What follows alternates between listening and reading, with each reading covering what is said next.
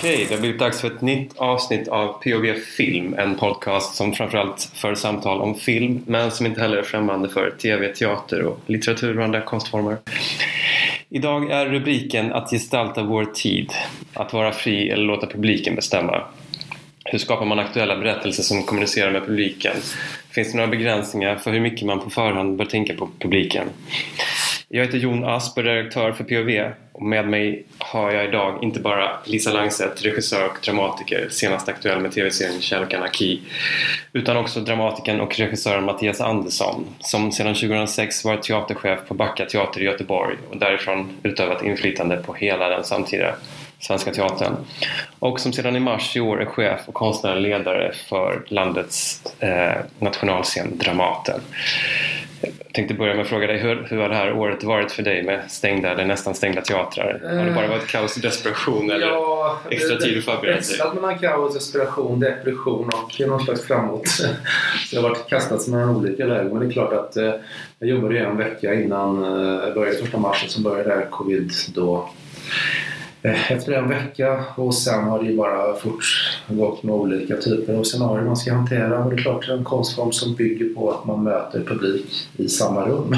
Själva essensen av teater är det, så är det ju oerhört svårt att bedriva eh, teater och just nu har vi publikstängt fram till 31 december. Men jag tycker ändå att det går ju och jag mm, försöker få med mig ensemblen och tänka vad ska vi göra och min repertoar börjar ju hösten 21 så att säga, så jag försöker sikta framåt mot den och i nuläget logisera det som finns och försöker få ut så mycket som möjligt till publiken. Ja, men hur går det? För ja. När man tillträder på en så stor scen så handlar första året mycket om att eh, ta hand om det som har varit ja. som har planerats tidigare. Så Absolut. innebär det att, du, att hela 2020 ska ut 2021 plus det som du Nej, så kan man ju inte tänka nu. Men vi har, också, vi har fått lägga ner många produktioner. Vi har Bergmanfestivalen, Norra internationell festival, två stora internationella regissörer har lagt ner det här spelåret. Så nu är det ju Ja, det är jättetråkigt verkligen och det är väldigt mycket bra saker som vi har nu, absolut, som det känns jättebra. Så att, eh, och som nu, sen är det lite, kanske vi kommer in på senare, det här, det här digitaliseringsförsöket med att digitalisera teater som många hoppas på i det här läget och som du verkligen har prövat framlänges och baklänges nu,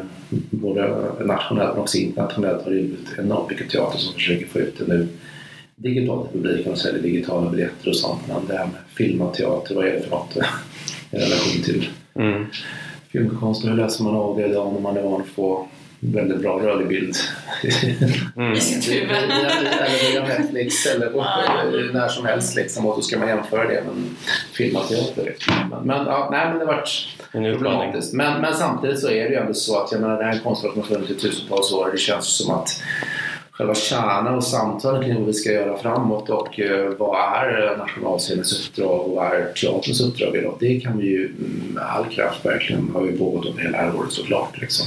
Mm. Och hur reagerar ensemblen då? För tidigare var det ganska mycket repetitioner men nu repar ni inte så mycket heller? Nej, nu sånt där sista åtta, det en konst har också börjat eh, dra ner eh, repetitioner och det är klart, eh, till skillnad från film som där man liksom är projektstyrd så är ju människor går ju på lön liksom och har ju sin lön så det är klart att det är otroligt mycket drivna, kreativa människor som är ganska frustrerade att de inte får utöva sitt arbete helt enkelt. Och just skådespelare kan ju inte stå hemma i köket och spela mot sig själv utan de måste ha det här sammanhanget med det. Men jag får se om jag svarar om två veckor. Jag försöker kanalisera energi på rätt sätt. Men alltså, ja. Mm. Om vi återkommer till det.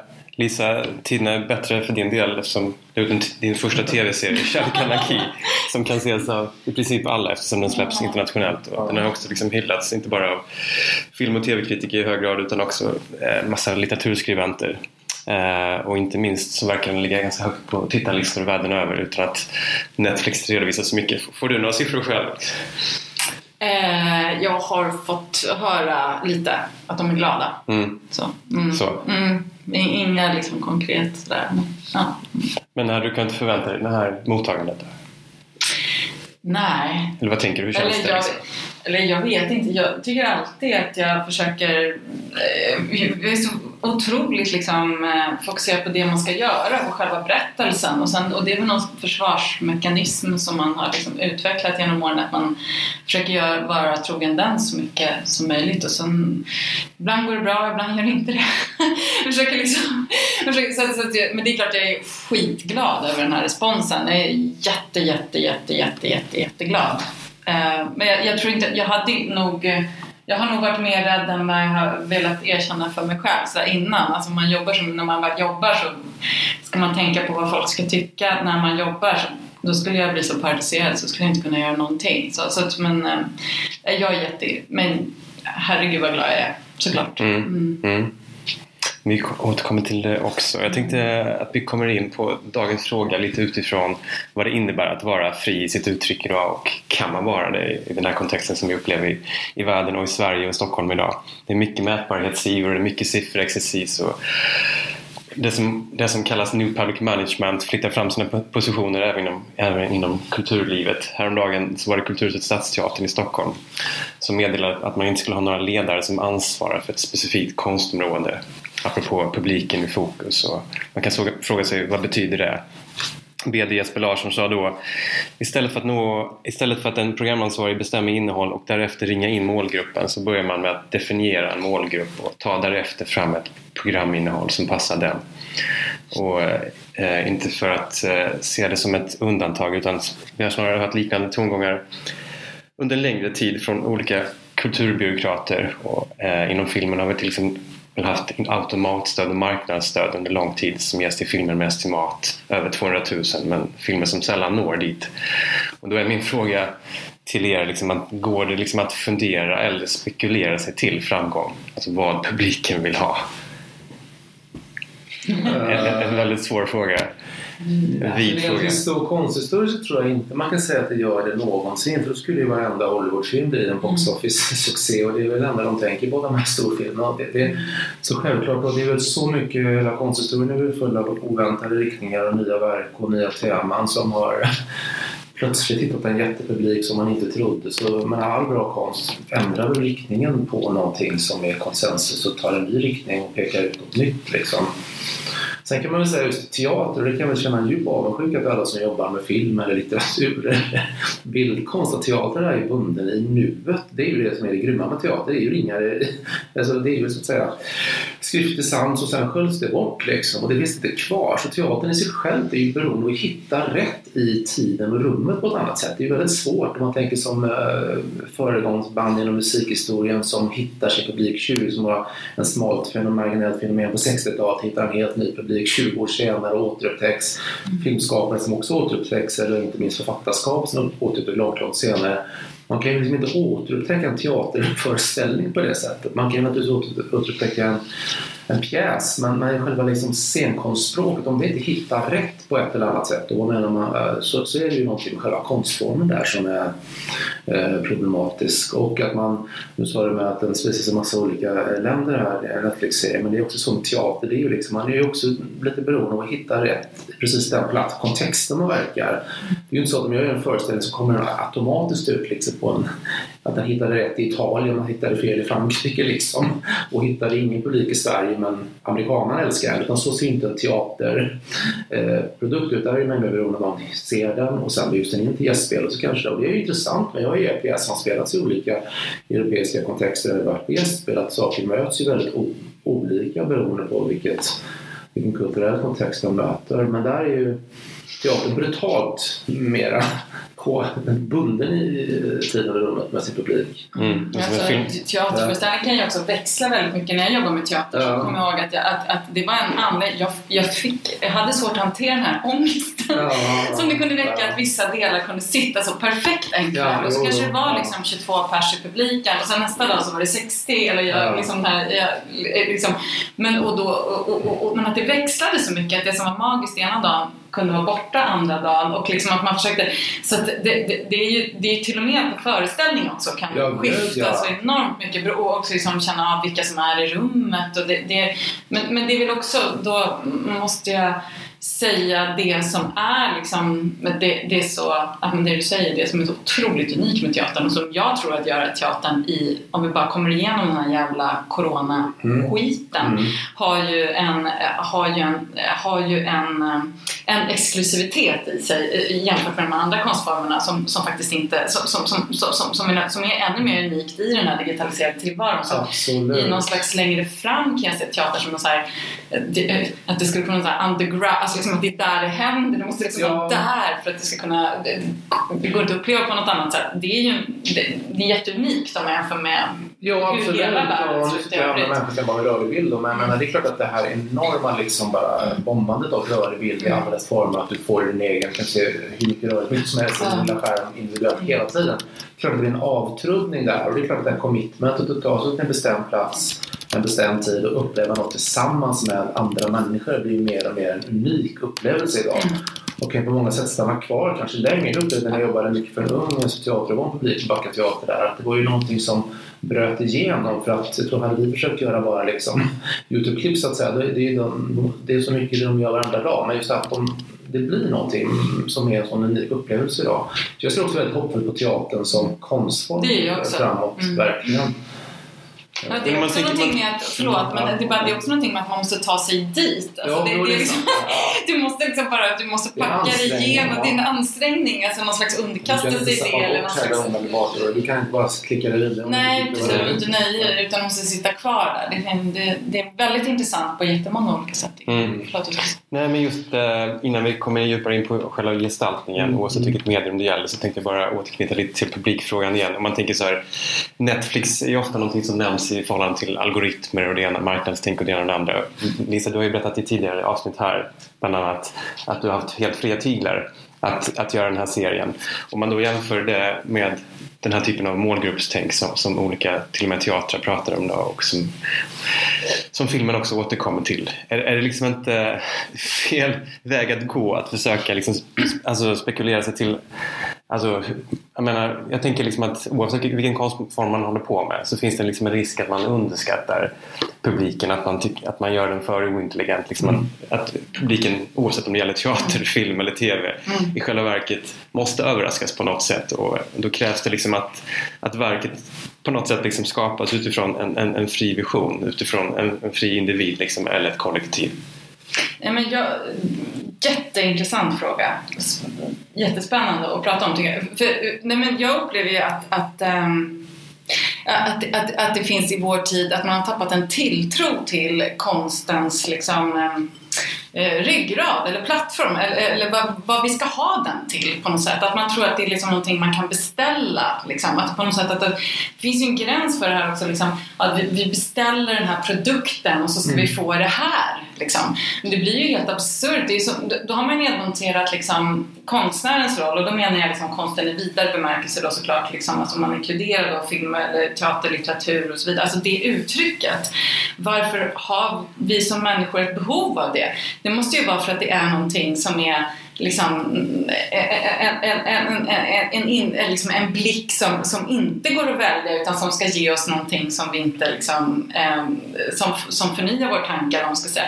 Alltså man kan ju hårdare, man kan säga så här, om alla, om, om publiken ska välja vad de vill ha, då blir det så här, ja men ska de få välja sina artiklar i tidningen tänkte jag på i morse.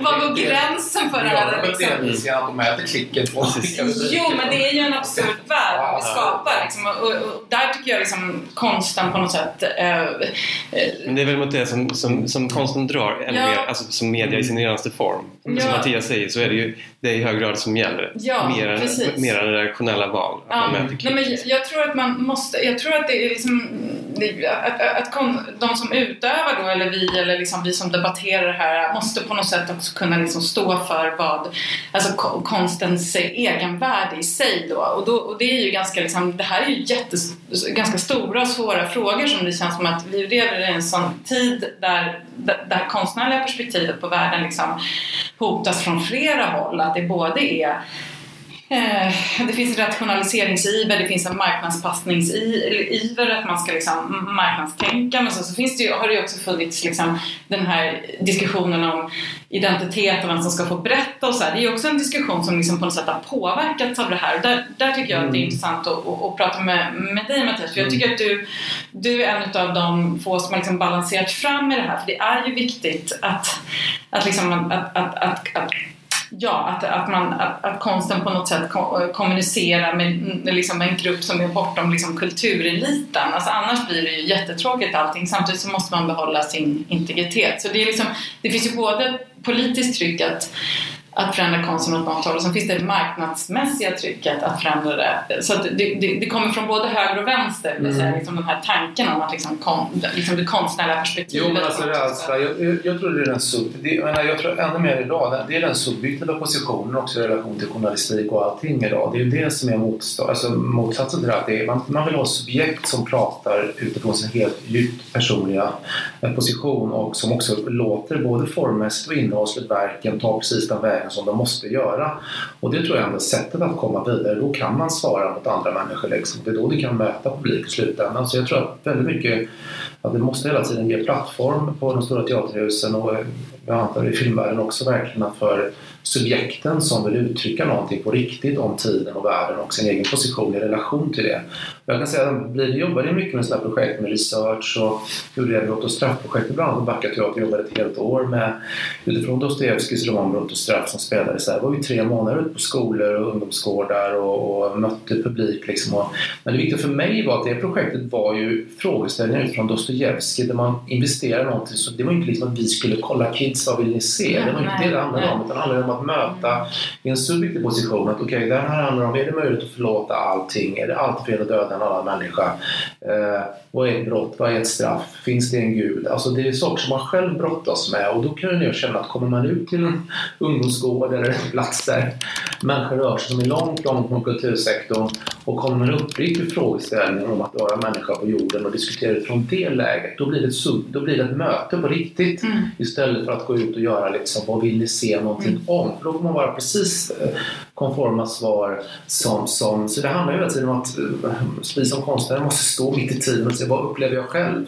Och sen i det mötet sen. Sen tror jag visst att man kan arbeta publikt och hela tiden involvera publiken i processen. Men då måste publikens position också vara subjektiv och att man på allvar använder sig av den ja, den polyfonin som publiken idag är liksom, och inte tänker på dem som en grupp på det sättet. Så, så försöker jag tänka mycket om de verken. För det känns ja. som att det skett en liksom förväxling där i den här. Ja. Vad, vad, vad, innebär publikkontakt? Som ja, du säger? Ja. Lite därför som vi vill, vill ja. bjuda in dig och prata med dig just utifrån det här också eftersom du är, arbetar över hela spannet i, i, i, i det gestaltande som, som, som regissör och dramatiker. Liksom att du använder de urkunderna, Dostojevskij och andra klassiker, Gombrowicz etc. Mm, mm. Men att du i hög grad också har dig känd för, för att använda den här reportageliknande. Ja. Men, men kvalitativa intervjuer, enkäter med vanliga människor mm, och, utifrån det liksom, eh, skapar ditt material. Liksom. Men det är inte samma sak som att fråga, fråga publiken vad de vill ha för någonting utan det är snarare att ha en förankring Nej, men hos det, folket. Liksom. Exakt, och det, det, är inte att fråga folk och det är inte heller en uppfostrande konstform som är liksom så här ska ni tänka eller så här ska ni göra, det här ska vi prata om. Utan det du pratar om är ju att hitta den här punkten som vi alla har i att vara människa och liksom mm. att hitta ett sätt att liksom prata om det. Det är ju en helt annan utgångspunkt. För det mm. som ibland i de här diskussionerna är liksom att, att det ska komma någon uppifrån, antingen en marknadsanpassad då, eh, eh person, en konsult som ska tänka ut liksom att så här, så här, ska vi göra för att det ska kunna gå att sälja. Eller en uppfostrande tanke som är så här, den här typen av konst ska göras för att det är förebyggande, för det, för liksom, det är bra för samhället på något sätt. Utan det, det, men att våga vara så öppen då, som du pratar om att liksom hitta det som är detsamma i oss alla. Och sen kan det också då kanske inte alltid så jävla enkla saker man hittar. Eller liksom, för de här frågorna nej, som du pratar om, det är ju skitsvåra frågor. Det finns ju inga enkla svar på dem. Liksom. Alltså, det, det, är ju eviga mänskliga frågor. Men liksom att, att, att, att, hitta, att hitta fram till dem och att de får, vara, att de får ta sin egen väg. Liksom. Det är väl det jag ibland kan tycka att, att den här tiden underskattar på något sätt. Alltså att jag liksom tagit bort det där rummet där liksom allting får sägas och där det svåra får finnas och där det får vara och det kanske liksom ibland får bli liksom farligt och ibland mm. svårt. Liksom. Alltså det är inte, alltså, men just den där för, förankringen också mm. som man kan då känna i flera av Mattias The Mental States of pjäser som du antar du också har sett. Liksom, när, man, när man känner att det finns eh, en förankring i de eviga frågorna men ändå med bas utifrån människor idag. Eh, det är då man känner liksom att det här är någonting eh, som man vill se, som man känner liksom att man har eh, kontakt med. Och det, det tänker jag i hög grad om, om både teatervana och teaterovana människor, att de upplever där och då i salongen. Liksom. Och att det är en annan form av publikkontakt än, än vad de här kulturbyråkraterna eftersträvar idag. Om man ser liksom, inom filmen till exempel så har vi fortfarande det här marknadsstödet som jag tjatar om men som går ut på i korta, i korta drag att eh, att, att en, en, eh, en nämnd med 5-6 personer bedömer utifrån eh, estimat kommer den här filmen kunna göra över 200 000 besökare då får den liksom ett, ett stöd och eh, flera av de filmerna som fått det stödet har inte levt upp till det alltså, för det är väldigt, väldigt svårt att veta vad som säljer oavsett om det är kända förlag och kända skådespelare utan det har snarare visat sig vara tvärtom liksom, att de här filmerna inte alls nått upp till estimaten. Men är inte det ett nytt kulturklimat också som till och med talar mer för den här subjektiviteten idag ännu mer? För jag, menar, jag tycker det var jätteskillnad. För 10-15 år så fanns det ju vissa skådespelare, satte man dem i huvudroll på en stor scen så visste man ju slutsak liksom. Mm. Vissa titlar. Men det handlar hela någon diskussion om det här liksom, just en pluralistiskt samhälle så segregerat som det. Det finns inte längre de här givna titeln eller givna personer som alla vill se. De, de berättelserna finns liksom inte, den konsensusen finns inte riktigt. Nej men det är också för att man har urholkat innehållet i så Ja, hög grad. ja, jag ja. tror, alltså, på teatern kan du fortfarande till viss del sälja ut salonger på en, på en känd skådespelare. Ja, Inom, ja. inom svensk film kan du inte göra det Nej, nej, jag tänker för, det. för att man har liksom Nej. förbrukat det här förtroendet hos folk. Liksom, så om man ser till dansk film liksom, så har de fortfarande den typen av skådespelare som kan sälja slut salonger. Mats Mikkelsen och andra. Eh, och det finns flera exempel. Tinny Dyrholm. Etc. Eh, För att de har haft material att jobba med genom åren. Liksom, De där de har fått briljera och ha en kontakt med är biopubliken också. kvalitetssäkring mellan personerna Ja. i stoffet också. Om man ser till många av våra liksom, främsta skådespelare eh, teater, inom teater och film idag så har de i själva verket inte gjort särskilt många eh, stora filmroller. Om man ser till Reine Brynolfsson som som är med i din serie, en väldigt fin roll där. Han är ju en av få som ja, man har gjort både Black Jack för jättelänge sedan och Korparna här om året. Liksom. Men det är ovanligt mycket liksom, egentligen. För. Mm. Eh, och, det tror jag har att göra med att man har eh, man bara velat ha det kända ansiktet mer än att liksom verkligen så här förankra det, berättelsen i, Ja, man har ju verkligen jobbat mycket på teater innan, verkligen också. Så att, ja. Nej, men det, är, det är intressant att andra sidan vända på om det skulle vara så att det liksom är att, att om, om samhället blir mera uppdelat med alla skärmar då som vi har och allting, att det är liksom att vi inte har det här gemensamma berättarrummet utan att, att vi alla lever i olika världar. Alla. Mm. Så är det vi har, det gemensamma, det som du pratar om, är ju de existentiella frågorna Mm. då, som finns i alla människor som är liksom någon slags, vad är meningen med min tid på den här jorden? Hur kan jag leva på bästa sätt? Alltså de, de, och där tycker jag att det finns någon slags, det, det är ju intressant i en tid liksom när där politikerföraktet bara ökar.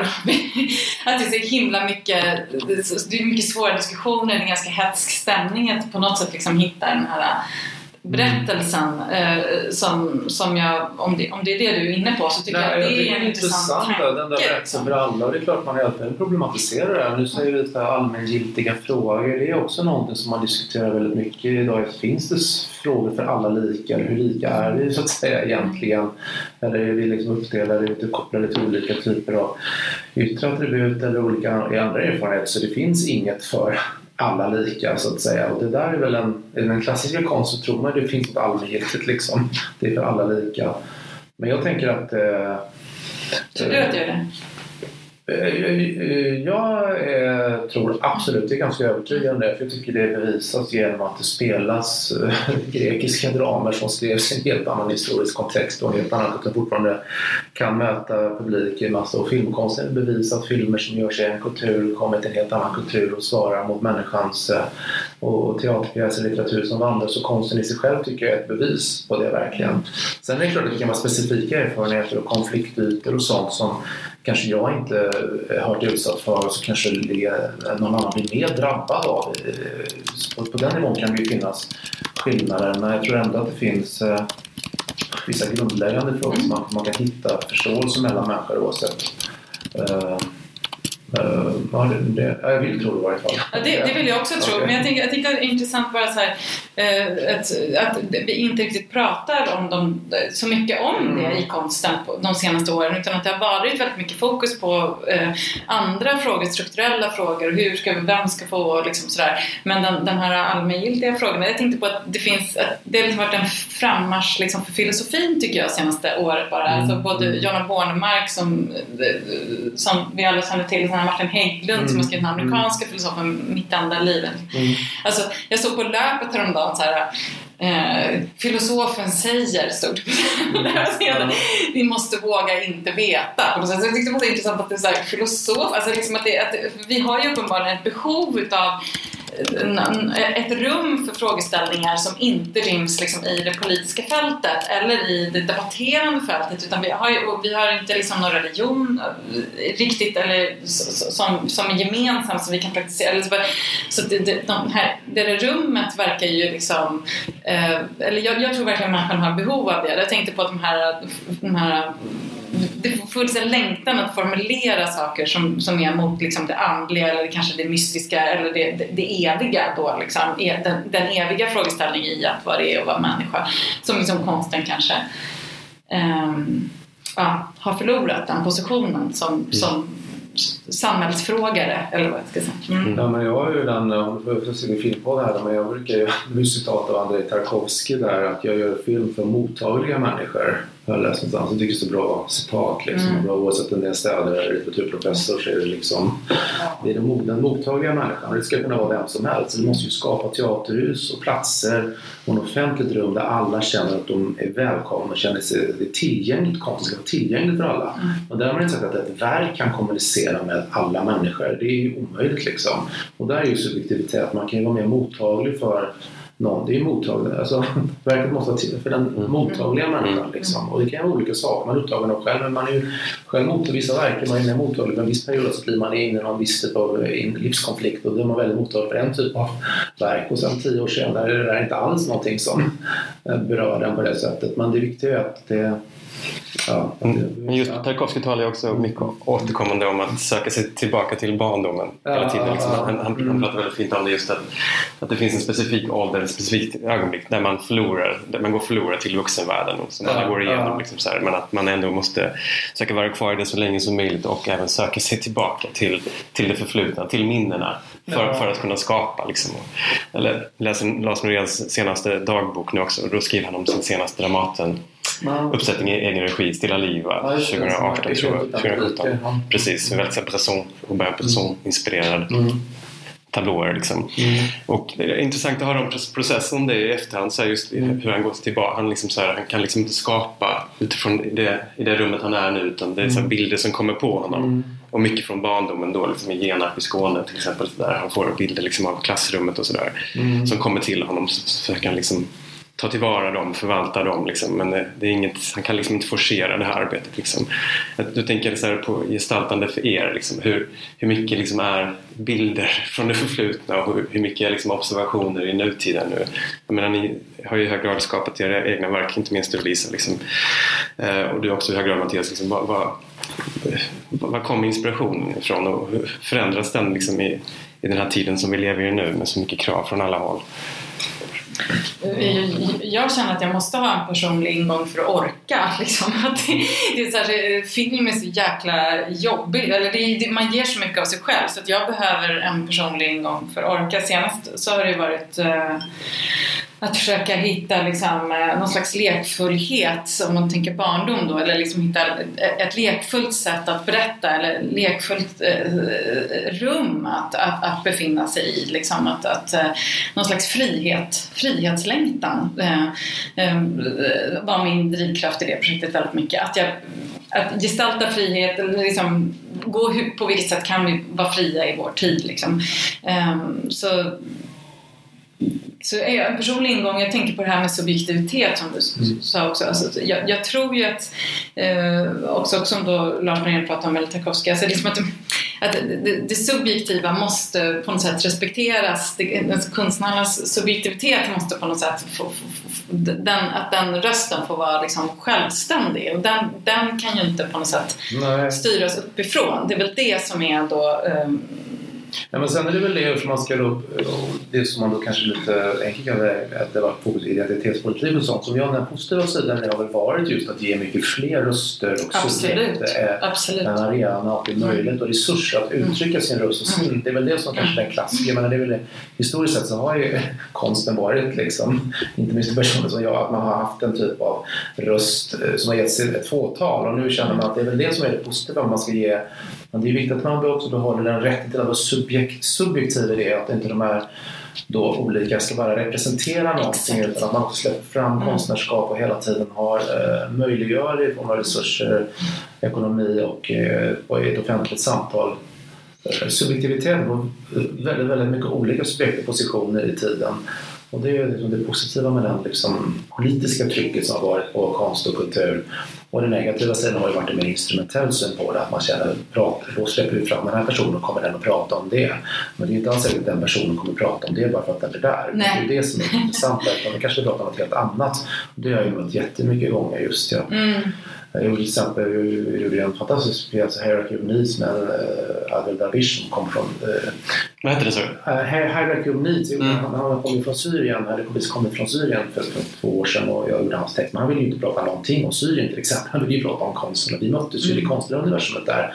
Och han vägrade. Det, nu handlar det på ett antematiskt sätt fanns ju det, men han vägrade det. Så det var, han, och det är intressant där när människor liksom måste ges plattform att inte just prata bara om det som de förut representerar. Jag försöker tänka mycket som konstnärlig ledare nu för Dramaten när man släpper fram olika personer. Mm.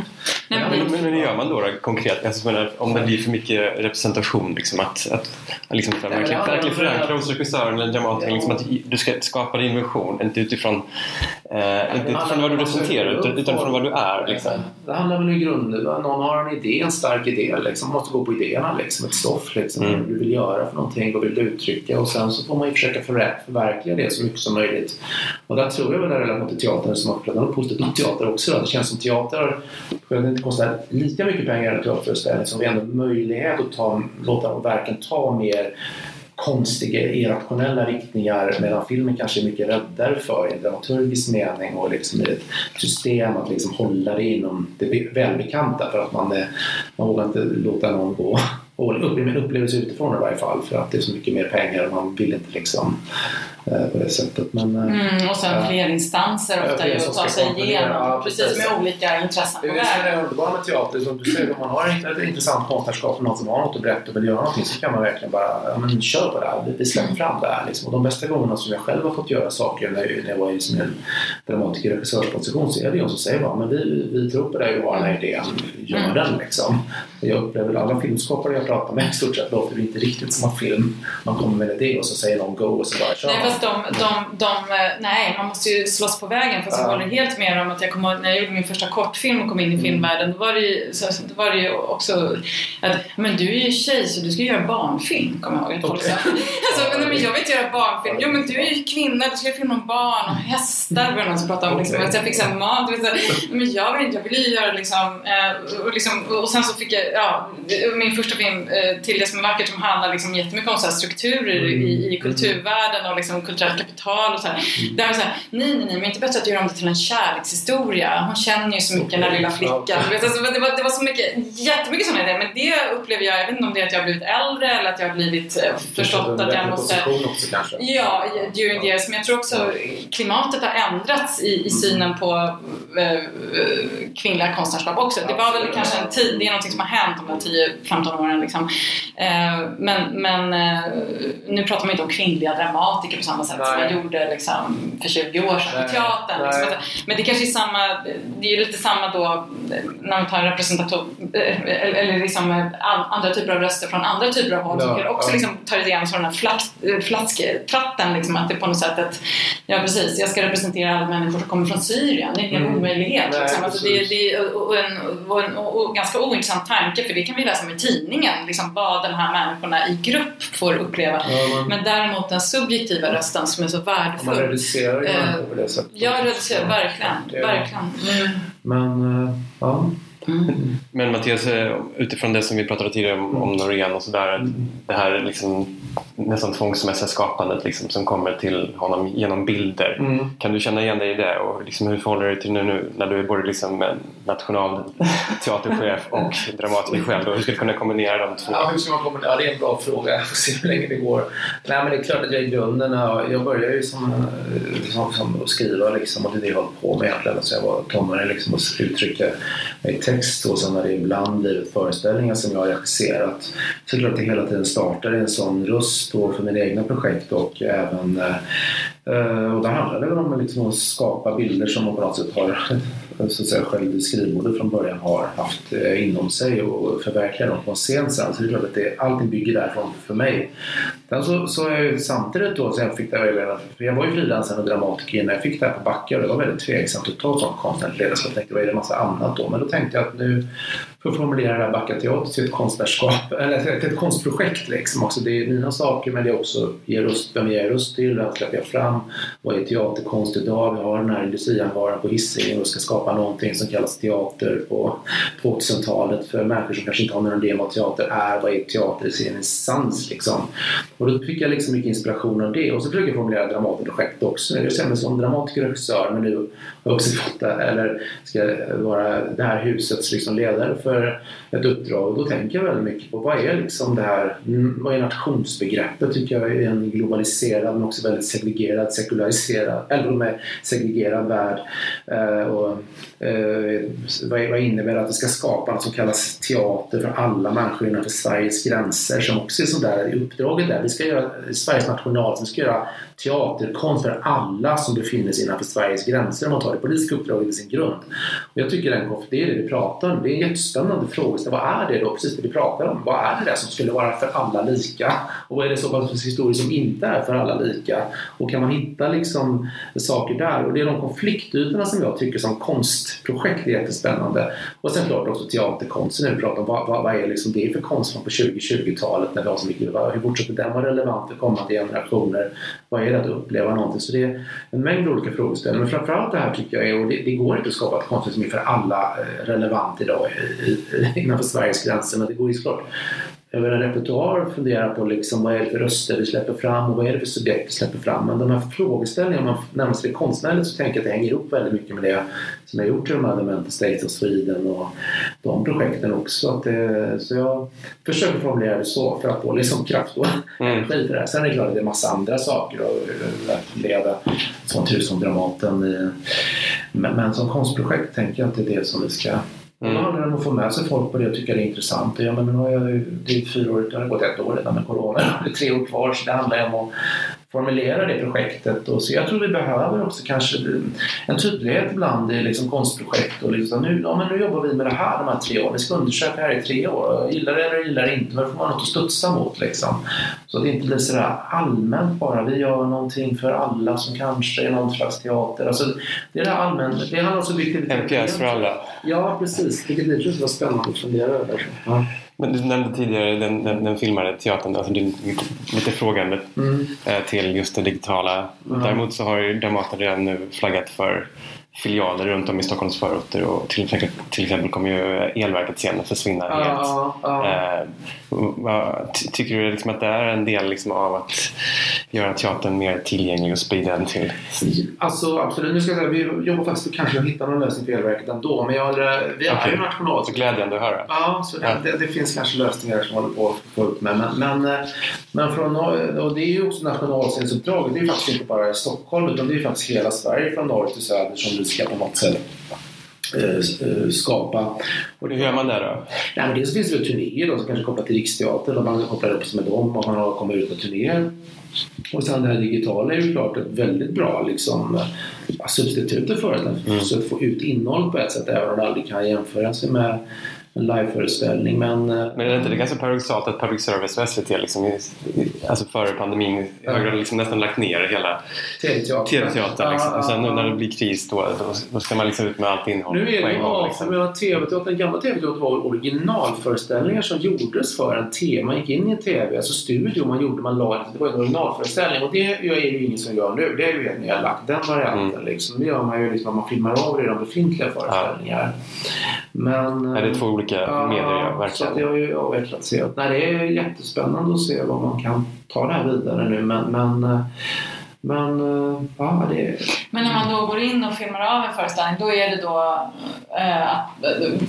man kan inte tänka sig någon slags korsbefruktning där att man skulle ha en föreställning som existerar och sen bygga upp den i Jo, en det eller ta ett större Ja, ansvar Förr i det. tiden gjorde man ju så. Ja, ja. Men det är väl att det ja, nyanser så det man diskuterar sånt med de som puttar in pengar i det. Då tycker man väl att det är, då närmar det sig liksom filminspelningar. Liksom. Det blir så pass dyrt. Liksom. Det Ja. går ju upp i kostnad så mycket.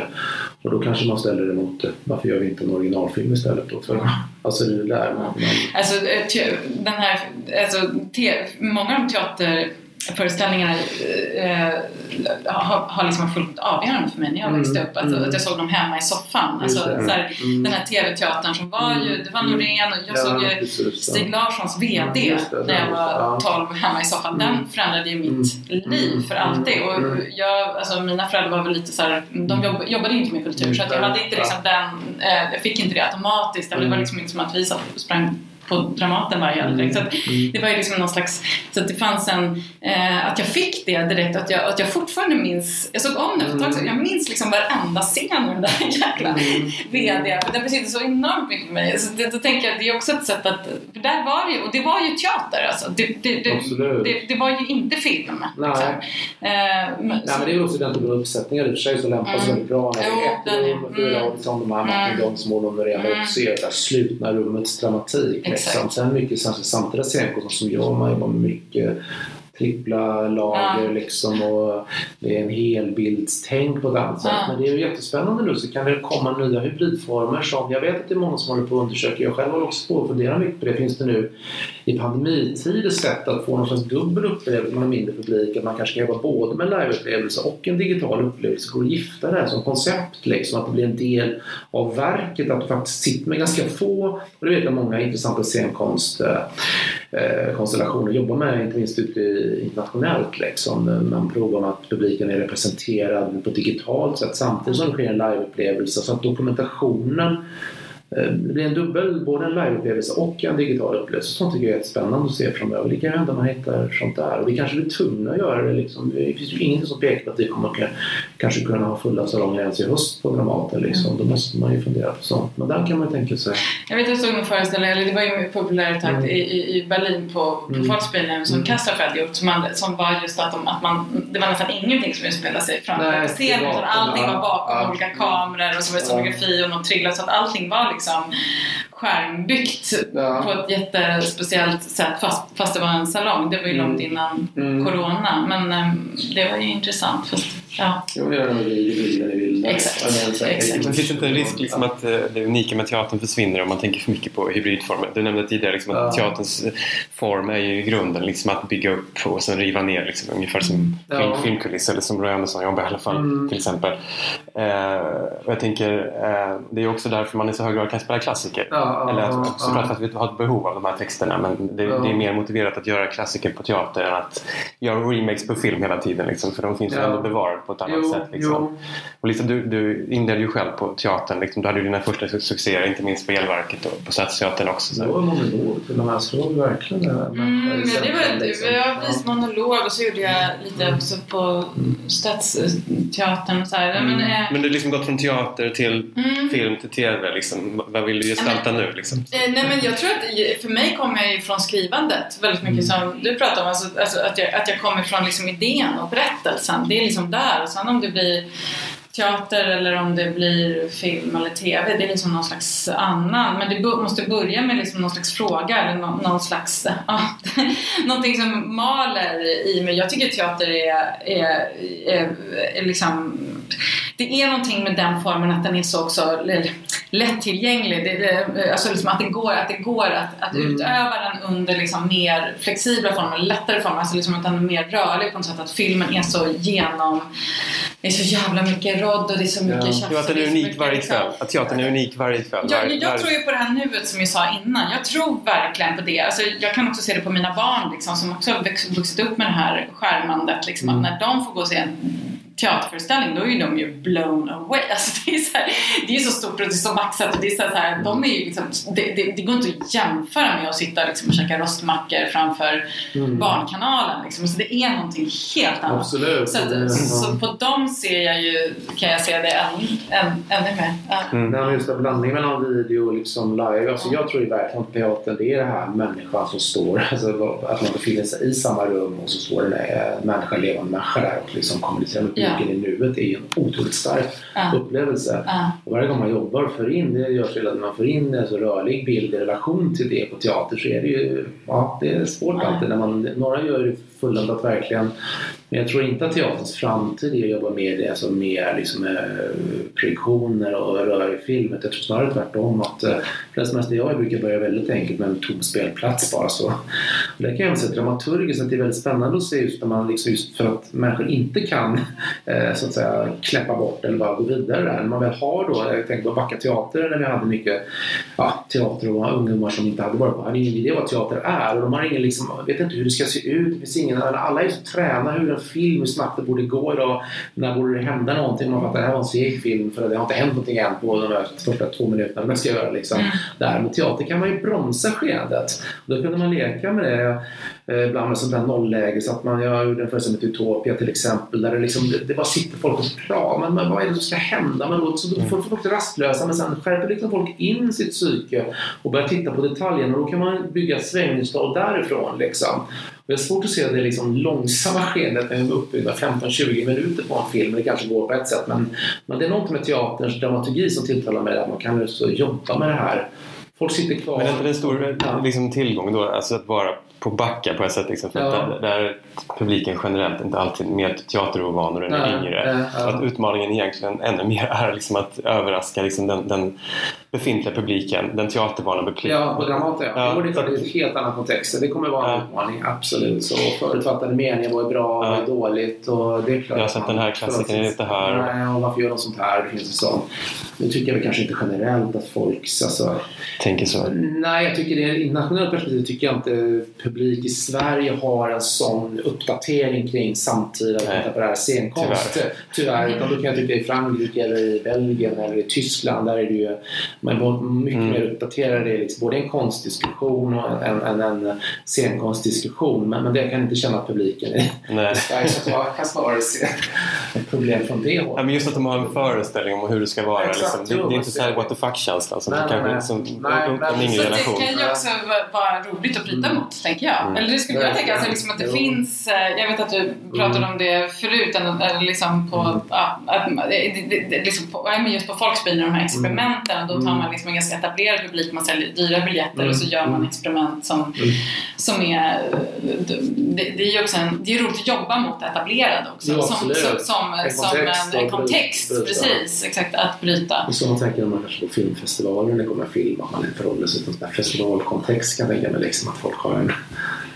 Ja. Mm. Man bryter igenom på den arenan. Liksom. Ja. Men jag tänker, nej men, teater, nej men det är roligt. Jag tror ändå, man hör inte vad alla säger om det är det enda liksom, kriteriet för bra teater. Då är, jag, då är jag ju rökt. Liksom. Så mm. Jag hoppas man ska höra vad de säger såklart på Dramaten men det är inte liksom, ibland blir det som att det bara är det enda. Så.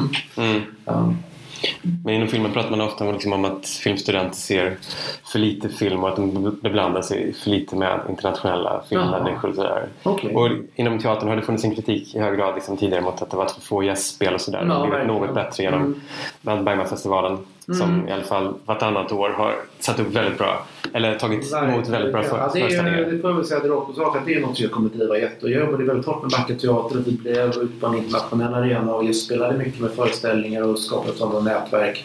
Och jag har jättemycket så internationella scenkonstnärer som kommer nu till Dramaten framöver. Så att det känns väldigt viktigt. Varför är det viktigt då? Nej, men därför att jag tycker att man tänker på... Det är bara så brutalt att man kommit mycket längre i ett tänk vad scenkonst kan vara helt enkelt. Inte på något sånt smart sätt utan snarare tvärtom på ett mer innovativt sätt. Och, och jag tycker det är formspråk och estetik som jag tror skulle kunna tilltala en väldigt bred publik i Sverige. Verkligen om det bara blir synliggjort och inspirera.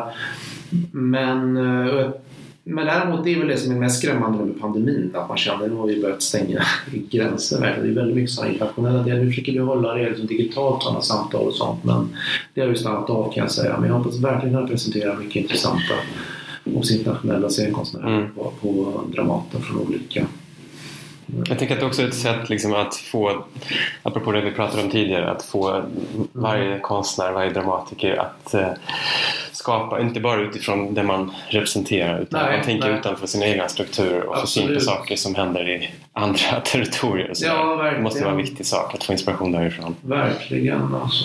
Mm. Ja, mer gästspel och mer internationell inspiration. Eh, men hur tänker ni kring eh, om man jämför olika medier, när vi liksom berört både tv och teater och delvis film idag, liksom, hur olika är det liksom att gestalta för eh, respektive medier? Mattias, nu har du mest jobbat med teater, men jag tänker att du ändå har en föreställning om hur det skiljer sig från andra konstformer. Och Lisa, du har ju i hög grad varit verksam inom alla fälten.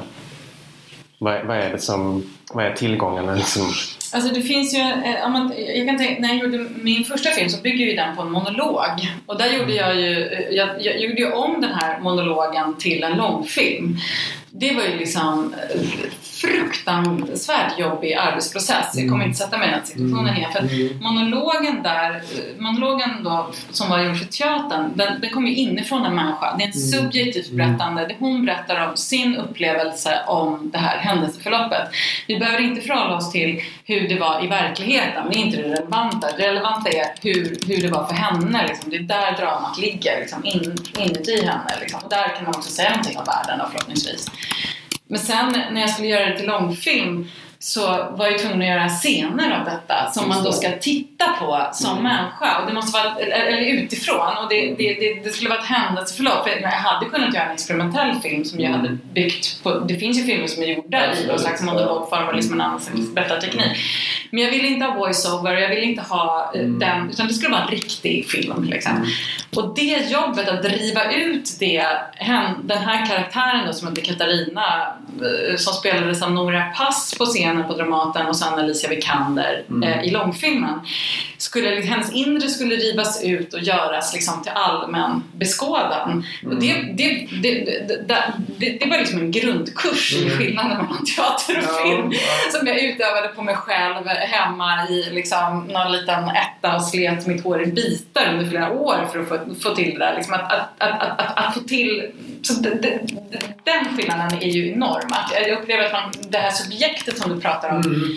ligger, är lättare att nå fram till till teatern, tror jag Eh, I alla fall för... Ja, formmässigt. Jag upplever ju om man tar sig dramaturgistrukturer och berättarstrukturer så är det klart att teatern upplever jag är mycket fri, fortfarande mycket friare där som jag sa också. Man kan bromsa skeendet, man kan liksom stå mycket mer stilla. Det går liksom att arbeta med många, många fler sätt och många av de här Mental States-projekten, de här dokumentära projekten har ju handlat just om att kanske Eh, helt och hållet frångå den eh, snabbt avläsbara dramaturgin som man skildrar verkligheten. Men det kanske mest kanske på media då, när man inte ens skapar liksom konfrontationer, konfliktytor som är uppbyggda enligt samma dramaturgimodell. Och väldigt mycket då genom att jobba med dokumentärt material eller fråga människor och låta det vindla iväg irrationellt i olika riktningar och även i sin komposition hela tiden eh, eh, rycka eller förlänga någonting där så får man kanske syn på andra saker. Det upplever jag att teatern kan vara väldigt mycket friare. Man kan ta sig den friheten mer. Nu har inte jag gjort någon film på det sättet men jag menar det, det,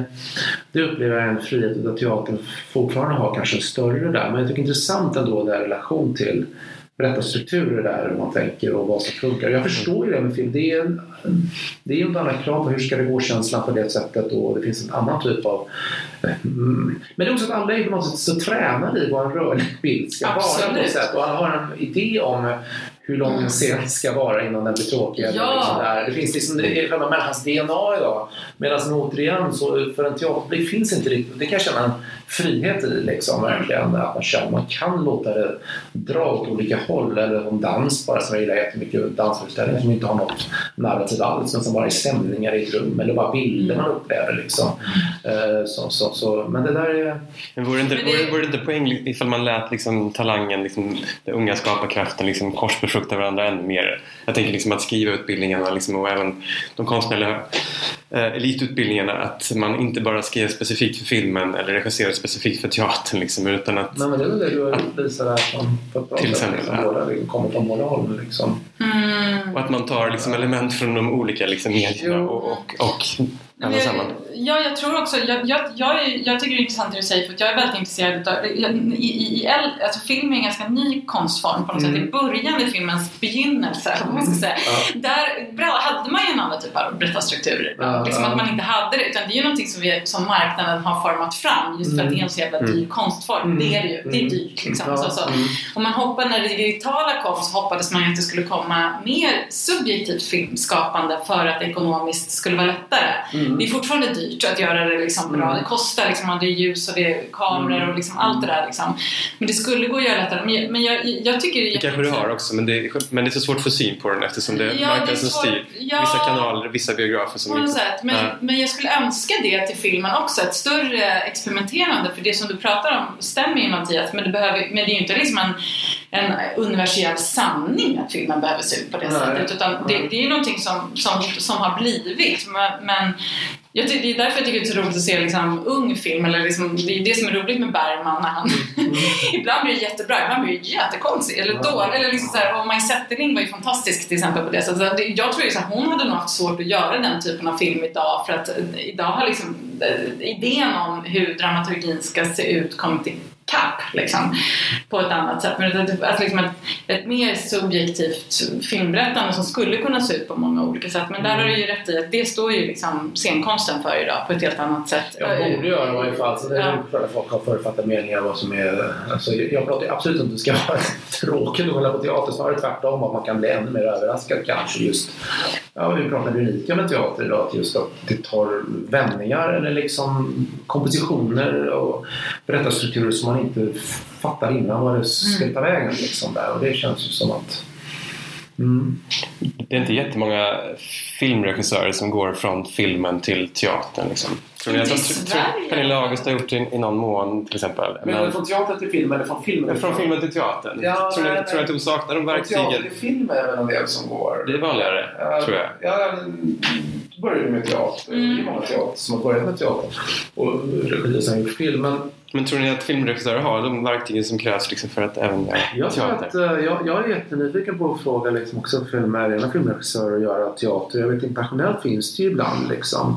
Eh, Men, men då gäller väl det samma sak där och kanske låta dem in, att du får låta de subjekten blomma. Vad vill de göra då? Att de inte ska lära dem hur man gör teater. För ibland blir det när man tar in filmregissörer på teater blir det att de är bara intresserade av att kanske bli äh, det här skådespeleriet. Det blir väldigt litet. Det blir ett rum och det blir nästan mer liksom konformt eller eh, konservativt eller traditionellt än vad det blir när en teaterregissör gör det. Liksom. Då skulle det vara roligt med en filmare som bild, det bilddrivna som en filmregissör. Hur skulle man göra de här bilderna i så fall på en scen? Skulle man genomföra den visionen liksom, i full frihet? Det skulle vara jättespännande att se verkligen. När man filmar så mycket bildmedium. Det tror jag är övertygad om man skulle kunna Mm. driva åt det. Och det har jag sett någon sån. Det är bildkonstnärer ibland som jobbar liksom som ett bild på det sättet. Det tycker jag att jag skulle må jättebra att få mer bildmänniskor in. Ja. Mm. Mer gränsöverskridande och mer, mer samarbete över, Ja. mellan konstformerna. Mer pengar till. Precis. Jag tänker att vi rundar av för idag. Mm. Jag tackar er för att ni kom hit. Lisa Langset, dramatiker, regissör och Mattias Andersson, dramatiker, regissör och eh, chef för nationalscenen Dramaten. Tack och hej. Tack.